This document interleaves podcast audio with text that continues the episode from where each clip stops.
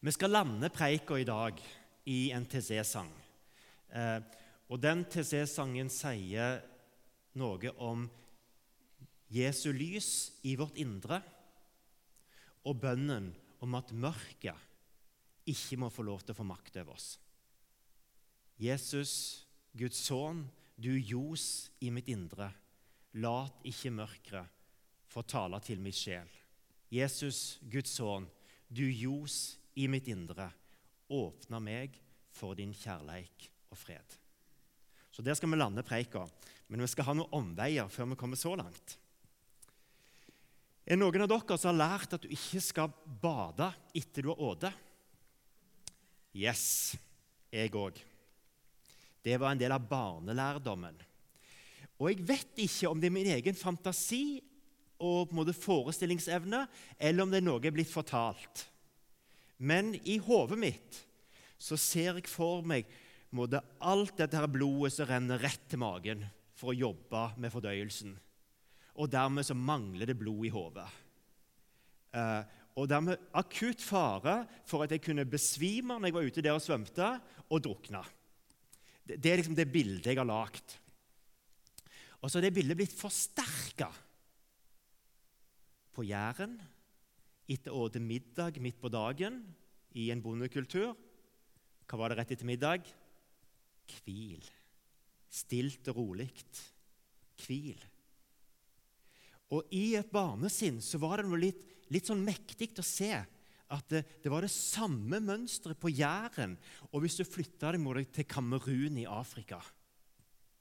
For der var det samme greia. Mat midt på dagen og så var det pause på to-tre timer. I voksen alder har jeg skjønt at det handler om varmen. Sant vel? Men som en lite barn så var det med å forsterke denne lærdommen. Du skal ikke bade etter du har åte, fordi da kan det gå gale. Og så tar det så lang tid å avlære dette her, at sjøl i dag så har jeg en sånn, sånn en litt sånn motforestilling mot å ta meg en svømmetur rett dit jeg har åte. Selv om jeg på en måte hodet har lært at det skal jeg ikke gjøre, eller at det går helt greit med deg. Men kroppen min har på en måte vært i dette her så lenge at det er litt vanskelig å komme ut av det. Og det er ikke rart derfor at Peter sliter med dagens utfordring. Og når han ber og ser dette her en måte, denne duken med forskjellige matretter, forskjellige dyr som kommer ned fra himmelen, og han får beskjed Forsyn deg, Peter. Ta til deg. Slakt og spis. Hva er på en måte, Peters første innskytelse? Jo, dette er fristelse. Dette er fristelse til å gjøre det som er galt. Det er helt naturlig at han tenker sånn Dette er ikke Guds stemme, men dette er den onde stemme. Eller det er Guds stemme, men han setter meg på prøve for å teste min trofasthet mot det som han har vist meg i Bibelen.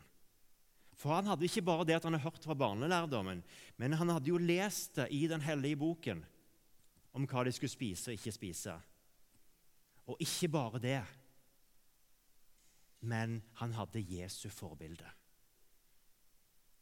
For det var en av de grensene Jesus ikke kryssa. Det var å spise sammen med andre folkeslag enn jøder. Den grensa kryssa ikke Jesus. Og Derfor så var det helt opplagt for Peter, med barnelærdommen og Den hellige boken og Jesu forbilde at den grensa krysser du ikke. Enten så er det Gud som prøver meg og tester min trofasthet, eller så er det en onde som prøver å friste meg til det som er galt.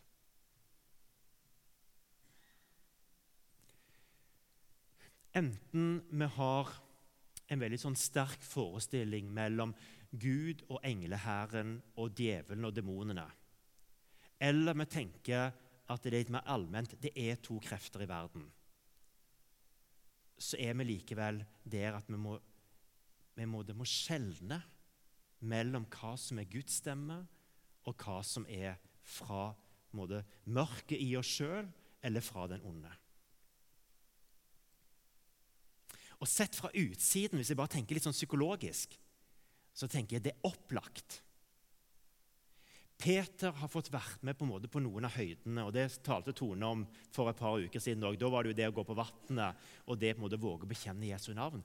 Men de største opplevelsene når Peter er på toppen, det er jo etter at Jesus er fart vekk.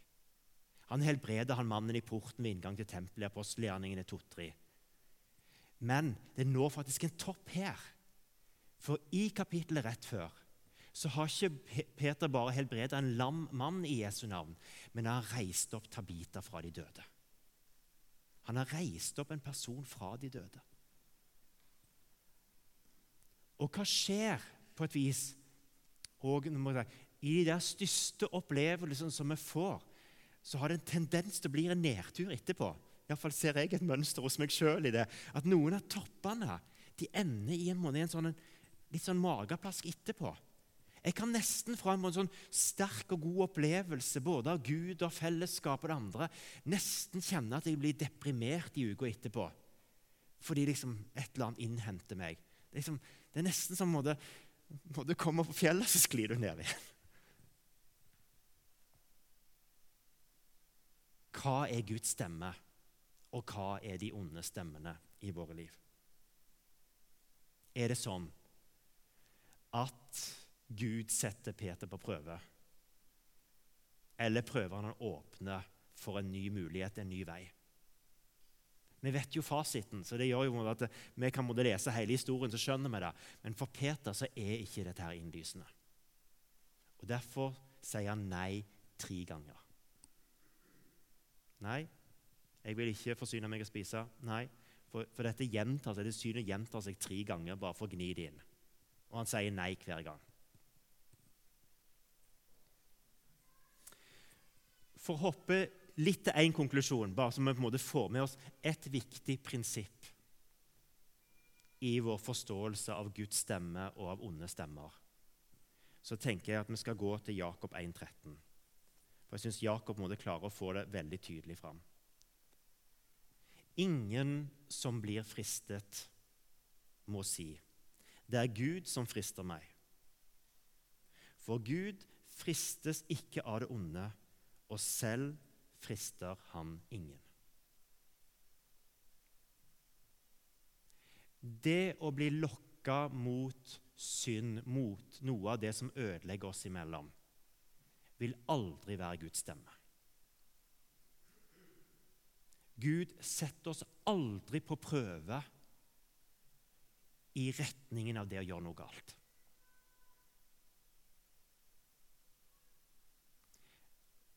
Gud vil alltid gå sammen med oss i det å løfte fram både hva, måte, hva er det fornuftige, hva er det, det rette. Gud vil alltid heie på den, men Gud vil aldri friste oss til å gjøre det som er galt. Det vil alltid være mørket i oss sjøl og den onde stemme som skaper en sånn Ja, men det er jo ikke så farlig. Dette kan jo bli fint. Det der bildet av måte, det som måtte være attraktivt med å gjøre noe galt, selv om man vet at det er galt, vil alltid være den ondes forsøk på en måte omskrive ting og si at ja, det er ikke så farlig. Men det jeg tror, det måte i forhold til fristelse. Eh, og Derfor er det veldig naturlig at Peter òg sier nei ut ifra en, slik forståelse. Eh, og Det viser jo òg at det, det er jammen ikke alltid like lett å skjønne.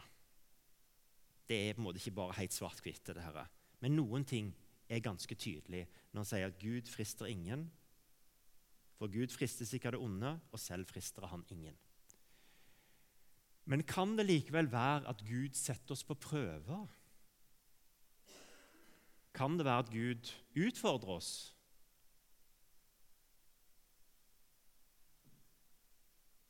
Ja, jeg tror det. Jeg tror Gud utfordrer oss av og til. Eh, Og jeg tror at det jeg kan, det jeg, når jeg ser det tilbake, kan gjenkjenne av Guds stemme i det, um,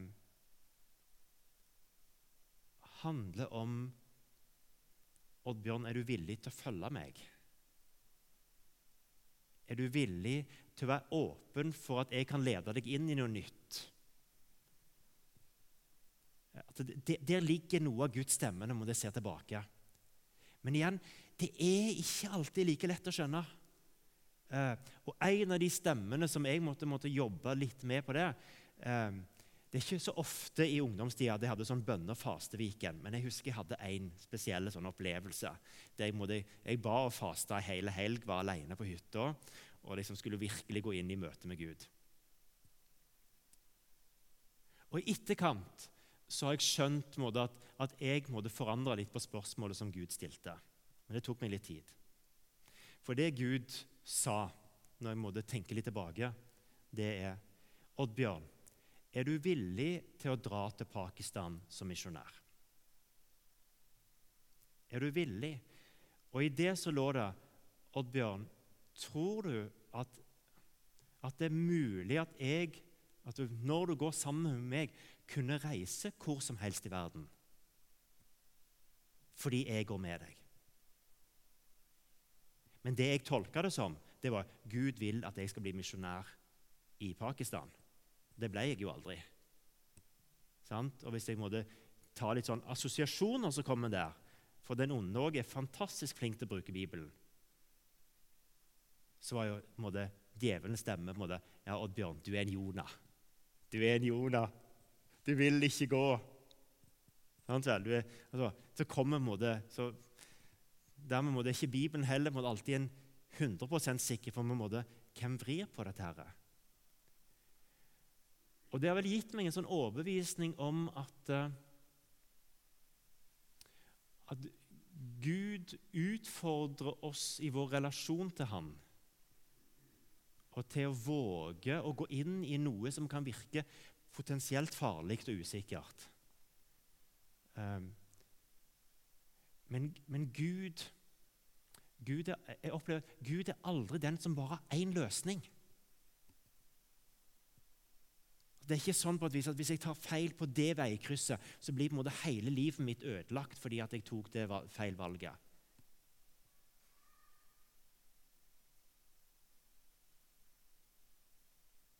Og Gud inviterer oss alltid til en samtale. Og Det var først når den samtalen kom i gang, at denne utfordring Oddbjørn, er du villig til å dra til Pakistan som misjonær, ble levende. For da kunne jeg si ja, det er greit, Gud, men det er noen utfordringer i det. I forhold til at uh, meg og Jane ønsker å reise i lag. Da må du, må du gjøre det mulig for oss å tenke dette som et fellesprosjekt. Og det ligger noen hindringer det er faktisk ikke til å få visum til Pakistan akkurat nå. Og så I dialogen på det så ble det veldig tydelig vi skulle ikke til Pakistan. Og jeg har en djup fred i de valgene som ble tatt. Og samtidig en djup fred at det, det kunne blitt noe annet, og Gud ville gått med i det. Men det er litt det der sjeldne er både så lett og så vanskelig i møte med Gud og i møte med Bibelen. Det andre prinsippet som jeg bare har lyst til å si veldig tydelig, for det, det, det ble jeg veldig utrådet på i sommer av min åndelige veileder når jeg var på retreat i, i England. Eh, og det var litt sånn at eh, Jeg vet ikke om det ligger i den norske folkesjel eller om det ligger i meg men jeg gjenkjenner det hos andre. Og det er litt sånn, Når vi har opplevd noe av Guds godhet, så forventer vi nedturen i neste omgang. Så jeg hadde en drøm eh, som kunne tolkes både som nedtur og utfordring. Men jeg tok det som nedtur. Og måte, nå sier Gud til deg Oddbjørn, du må være forberedt på nedturen når du kommer hjem. Sånn? Når hverdagen kommer, var forberedt på nedturen. Mens min veileder sa dette, og jeg gjenkjenner det som, som, et godt prinsipp. Og det er at Gud tar aldri fra oss åndelig trøst eller erfaring av hans godhet. Gud vil alltid hegne om. Gud vil alltid hegne om det han har gitt oss av gode ting. Og Derfor er det aldri Gud som fratar oss det. Den her måte stemmen som er ja, altså litt den der, At vi litt sånn forventer liksom at eh, Gud skal gå på en måte fra trøst til å sette oss på prøve i sånn, måte, i sånn kjappe svinger. Det, det, det, er tull. Jeg tror ikke på det. Jeg tror Gud prøver å hegne om det som er måte, erfaring av Guds godhet og Guds nåde og det gode som Gud møter oss med. Det vil alltid bli beskytta av Gud.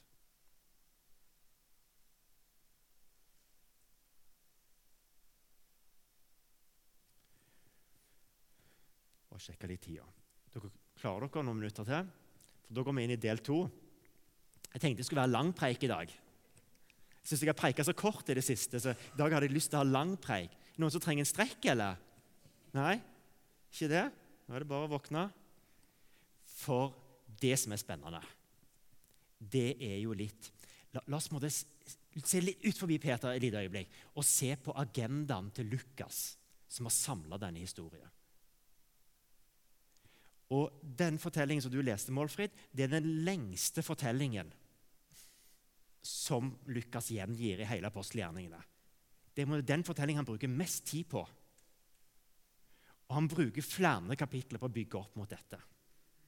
Først sier han måte, jeg skriver apostelgjerningene for at det skal skje at når Den hellige ånd kommer, så skal dere få kraft til å være mine vitner i Jerusalem og Judea, i Samaria og like til jordens ender.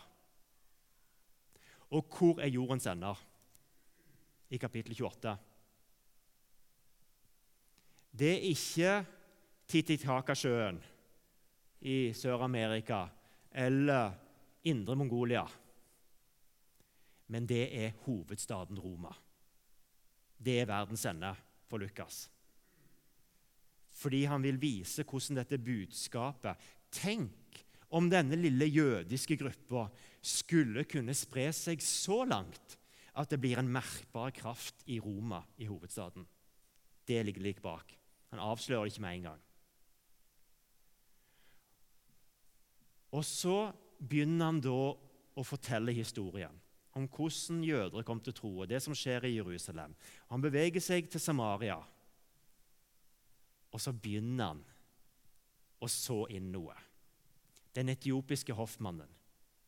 Han har fulgt mønsteret. Han har konvertert til å bli jøde, omskåret seg og blitt proselytt. Og døpt inn i den jødiske tro. Han blir døpt, men han følger på så vidt mønsteret. Så kommer Paulus, eller Saulus som han heter først, i kapittelet etterpå, som forfølger den kristne gruppa og sier ja, men dere er ikke en, måte, den rette jødiske tro. Vi vil ha dere ut. Og Fra det så får en et syn der Gud også sier til han gjennom Ananias du skal være med å bringe dette budskapet ikke bare til jøder, men til alle folkeslag. Det er oppdraget ditt. Og så kommer denne fortellingen med Kornelius, som ender opp med forhør i Jerusalem, i kapittel 11. Da blir Peter innkalt på teppet fordi de har hørt at han har vært ikke bare innom i et hus, men han har bodd der i flere dager, og han har spist sammen med dem. Altså uhørt jødisk praksis, sett fra de kristne i Jerusalem òg. Og Heldigvis så har Peter noen vitner med seg. For det står Når han kommer til Jerusalem, så kommer han ikke alene. Han har seks vitner. Det er som navnsatt til og med. Det er seks personer som han fører opp på en måte der han står. Så står han ikke der alene, men han står sammen med seks andre som har vært vitne til det som har skjedd. Og så begynner de å skjønne at her har Gud gjort noe. Fordi det aner meg at Peter har fortalt bitte litt mer enn det som står i Bibelen. Og egentlig må det så si han litt sånn indirekte eh, på hvordan han tenkte om dette synet han så. Eh, at eh, det var nok ikke Guds stemme. For han siterer mot sine egne tanker. At han, dette synet, og så sa han, Jeg hørte også en røst som sa til meg, Ta for deg, Peter, slakt og spis. Jeg svarte, Ikke tale om, Herre. For aldri er noe vanhellig og urent kommet inn, fra, kommet inn i min munn. Og så gjentas det tre ganger, og han sier det at jeg trodde at det var djevelens stemme. Det er det han sier indirekte. At det var ikke Guds stemme. Men så skjønner han, gjennom at han får et forvarsel Det kommer tre personer og spør etter deg. Han reiser av gårde. Han kommer inn i huset. Han har ikke spist noe, så han har ikke trådd over alle grensene ennå. Og så står han der og taler. Og så blir han på et vis berørt av denne fortellingen til Kornelius. Og så lurer han på hvor skal jeg finne begrunnelse i Det gamle sementet for det jeg måtte holde på å gjøre nå. Alle de andre talene i apostelgjerningene så hentes det konkrete bibeltekster fram for å gi et sånn bevis fra Skriften på at nå skjer det og det. Mens her sliter Peter.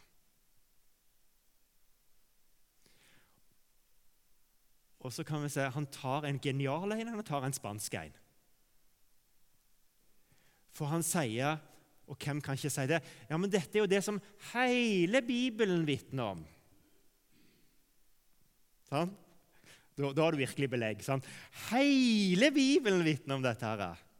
Jeg tror han tar en spansk en. Jeg tror ikke vet, vet helt hva han skal si. Men jeg, det vet jeg jo ikke. Det er bare mine spørsmål. Men han måte, alle profetene snakker jo om dette. Og kanskje er det sånn at ja, de hadde jo opplevd å få Den hellige ånd, og, og det hadde jo måtte vært et Joel 3 og utgytelsen av Hellige ånd. Så de hadde jo den referansen der. Men han sier dette her før Den hellige ånd kommer til syne. Så i det på en måte han sier men dette er jo det hele Bibelen vitner om, så kommer Den hellige ånd i form av ildtunger, i form av andre språk. Enten det var tungetale eller at de snakket forskjellige språk.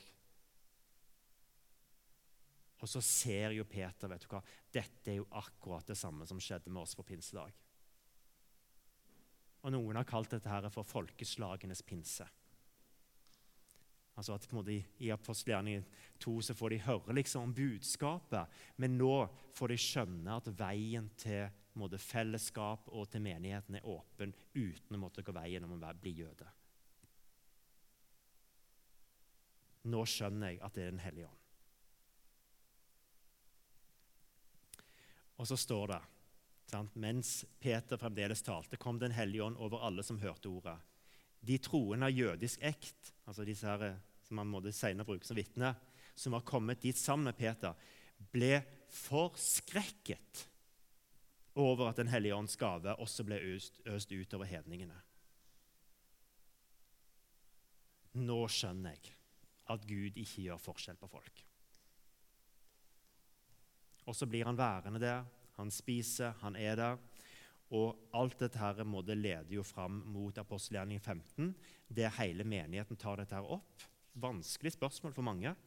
Og så blir de enige om sånn må det jo være i forhold til det vi har sett og hørt, og det som Gud har gjort, så må det være sånn at veien er åpen uten å bli jøde, uten å bli omskåret, uten å følge renhetsforskriftene, som er din jødiske tro.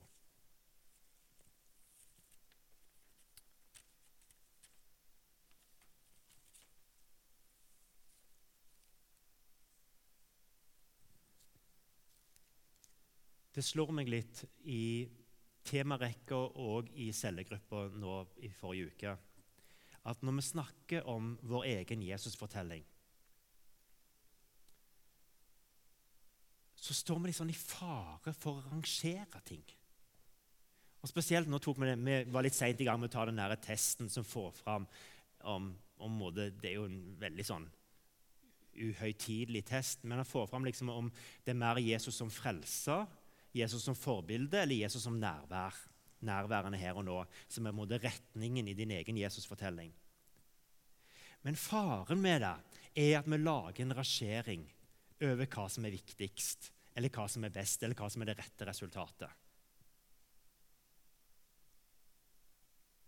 Men kanskje ligger det en invitasjon til oss alle i dette semesteret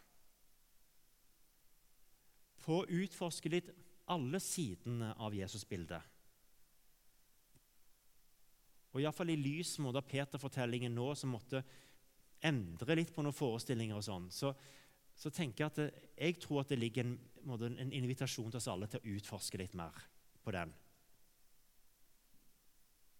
For jeg tenker, Jesus som forbilde det kan enten, det kan også reduseres ja, men det er jo sånn som det gjelder for alle. Alle kan ha Jesus som forbilde.